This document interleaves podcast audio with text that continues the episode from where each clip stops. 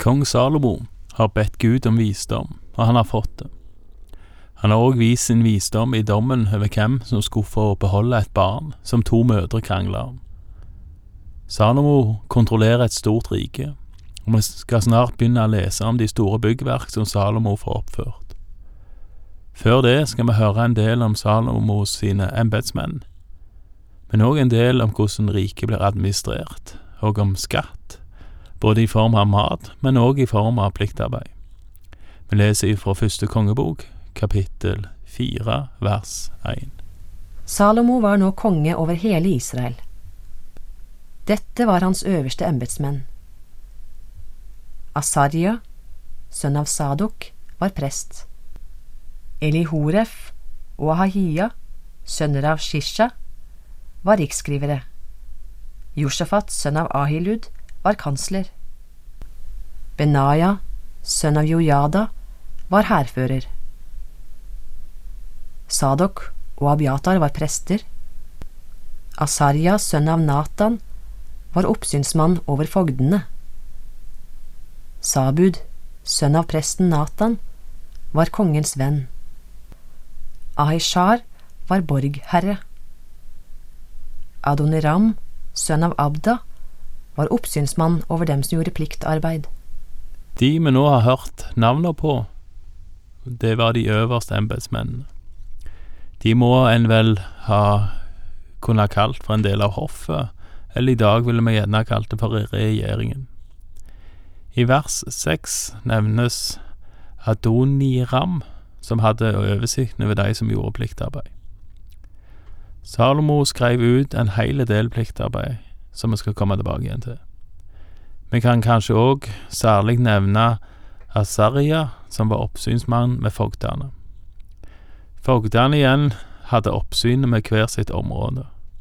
Vi skal snart lese at det var tolv fogder, og at hver av disse områdene som de hadde ansvar for, de hadde ansvar for å holde kongen og hoffet med mat en måned hver.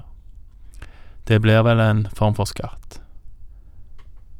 Trolig så måtte en legge til sides en del når en hadde høsta inn, sånn at en var klar når sin måned kom. Vi leser videre fra vers sju. Salomo hadde tolv fogder over hele Israel. De skulle sørge for matforsyningene til kongen og hans hoff. Hver sin måned i året skulle de sørge for det. Dette er navnene deres. Ben-Hur i fjellandet Efraim, Ben-Deker i Makas, Shalvim, Bet-Shemesh, Elon og Betanan, Ben-Hesed i han hadde Soko og hele Heferlandet, Ben-Abinadab hadde hele Dor-høylandet, han var gift med Tafat, datter av Salomo. Baana, sønn av Ahilud, hadde Taanak, Megiddo og hele Bet-Shean, som ligger ved Saretan, nedenfor Israel, fra Bet-Shean til Abel Mehola og bortenfor Jukmeam. Ben-Geber i Ramot i Gilead, han hadde teltbyene til Jair, sønn av Manasse, i Gilead, og Argob-området i Basan. 60 store byer med murer og bronsebommer. Ahinadab, sønn av Iddo, hadde Mahanaim. Ahimaas hadde Naftali. Også han var gift med en av Salomos døtre, Basmat. Baana, sønn av Hushai, i Asher og Alot. Josjafat, sønn av Parua, i Isakar. Shimi, sønn av Ela, i Benjamin. Geber, sønn av Uri, i Gileadlandet, det landet som hadde tilhørt amorittkongen Sihon og basankongen Og. Dessuten var det en fogd i Juda. Salomos makt og visdom Folket i Juda og Israel var tallrikt som sanden ved havet. De spiste og drakk og var glade. Salomo hersket over alle kongerikene, fra Eufrat til Filisterlandet, og helt til grensene mot Egypt. De betalte skatt og sto under ham så lenge han levde. Folket i Judea og Israel var stort. Legg merke til at det var tallrikt som sanden ved havet. Israel regner Jakob som stamfar, og det var Jakobs tolv sønner som har gitt opphavet til Israels tolv stammer. Den samme Jakob blei av Gud lova at etterkommerne hans skulle bli tallrike som havets sand, noe en kan lese om i Første Mosebok kapittel 32. Nå står det her at dette var gått i oppfyllelse, siden Israel og Judea var blitt så mange. Det står òg at de spiste, drakk og var glade. Videre så står det at Salomo òg herska over om eh, omkringliggende riker, og at disse betalte skatt til Israel.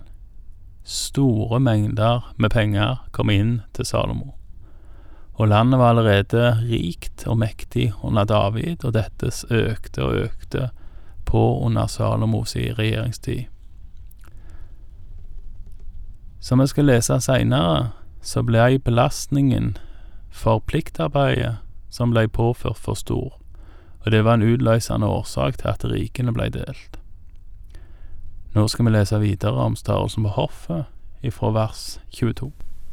Til matlaging hos Salomo gikk det hver dag med 30 kor fint mel og 60 kor grovt mel, ti gjødde okser, 20 okser på beite og 100 sauer, og i tillegg hjorter, gaseller, dådyr og gjødde gjess. Hvor mye et kormel egentlig var, det varierer en del ifra de ulike kildene, men det går igjen at det er snakk om veldig mye. Det forstår en for så vidt òg når en leser at det da gikk med totalt 30 storfe og 100 sauer hver dag, i tillegg til hjorter, gaseller, dådyr og gjess. Noen mener det er snakk om mat til ca. 14 000 personer, og at det er snakk om nesten 14 tonn med brød. Disse her totalt 90 kor med mjøl skulle bli til. Hvis det da var 14 000 personer, ble det ca. ett kilo brød til hver. Mye mat og et stort hoff eller en stor statsadministrasjon. Denne store statsadministrasjonen tok en seg jo da råd til, og det gikk nok fint når det var fred, og mange som da delte på byrden.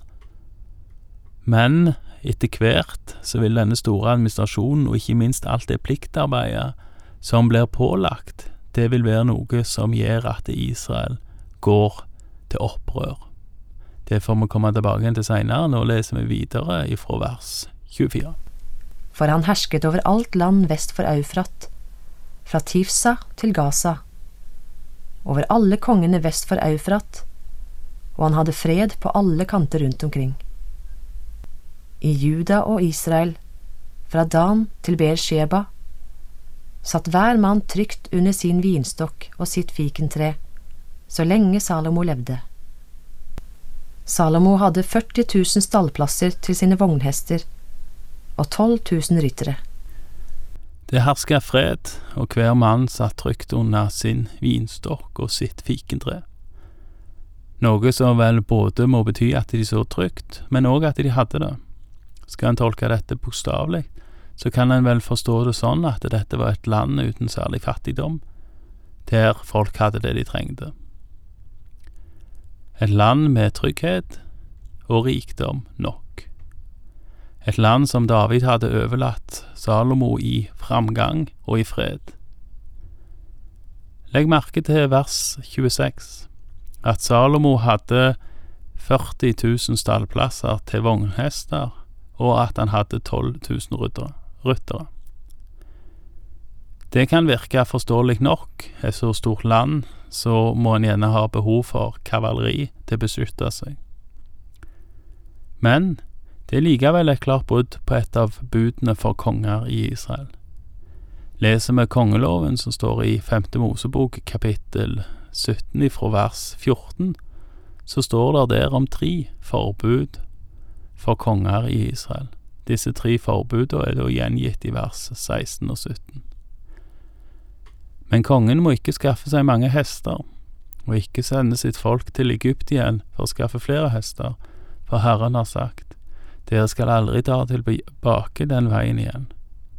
Kongen skal heller ikke ta seg mange koner, slik han fristes til frafall, og han må ikke samle seg sølv, øl og gull i store mengder.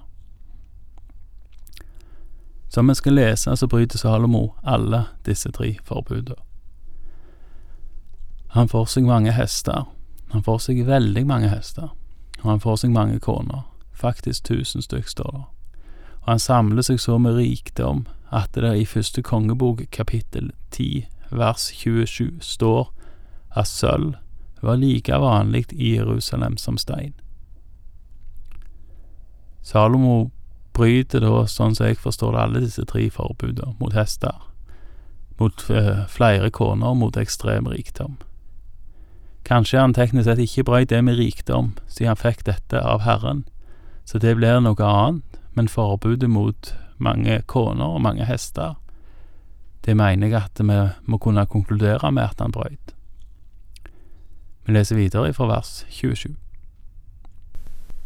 De tolv fogdene sørget hver sin måned for matforsyningene til kong Salomo og alle som spiste ved hans bord. De lot det ikke skorte på noe. De skulle også etter tur gi bygg og halm til hestene og trekkdyrene der de befant seg. Gud ga Salomo visdom, særdeles stor innsikt og en forstand som favnet like vidt som sanden ved havets bredd. Salomos visdom overgikk all visdom i Østen og Egypt. Han var visere enn noe annet menneske, visere enn Etan fra Esra-ætten og Mahols sønner Heman, Kalkol og Darda. Hans navn var kjent blant alle folkeslagene rundt omkring. Salomo formet 3000 ordspråk, og tallet på hans sanger var 1005. Han diktet om trærne, fra sederen på Libanon til isoppen som vokser ut av muren, og han talte om fe og fugler, krypdyr og fisker. De kom fra alle folkeslag for å høre Salomos visdom, fra alle kongene på jorden som hadde hørt om hans visdom. Slutten på kapittel fire omhandler Salomos visdom, som overgikk alle de andre mennesker. Det kan òg være verdt å merke seg at den favner veldig vidt, fra 3000 ordspråk til over 1000 salmer, men òg dikt om mye i plante- og dyreriket. I Salmenes bok tilskrives kun to salmer til Salomo. Salme 72 og Salme 127. Folk i Norge vil nok kanskje kjenne tematikken i Salme 127 igjen i det nest siste verset av Elias Blikk sin fedrelandssalme. Vil Gud ikke være bygningsmann, med forfengt på huset bygge. Det gjaldt for Salomo, det gjaldt for Elias Blix, og det gjelder for mange av oss i dag. Takk for i dag, og Herren være med deg.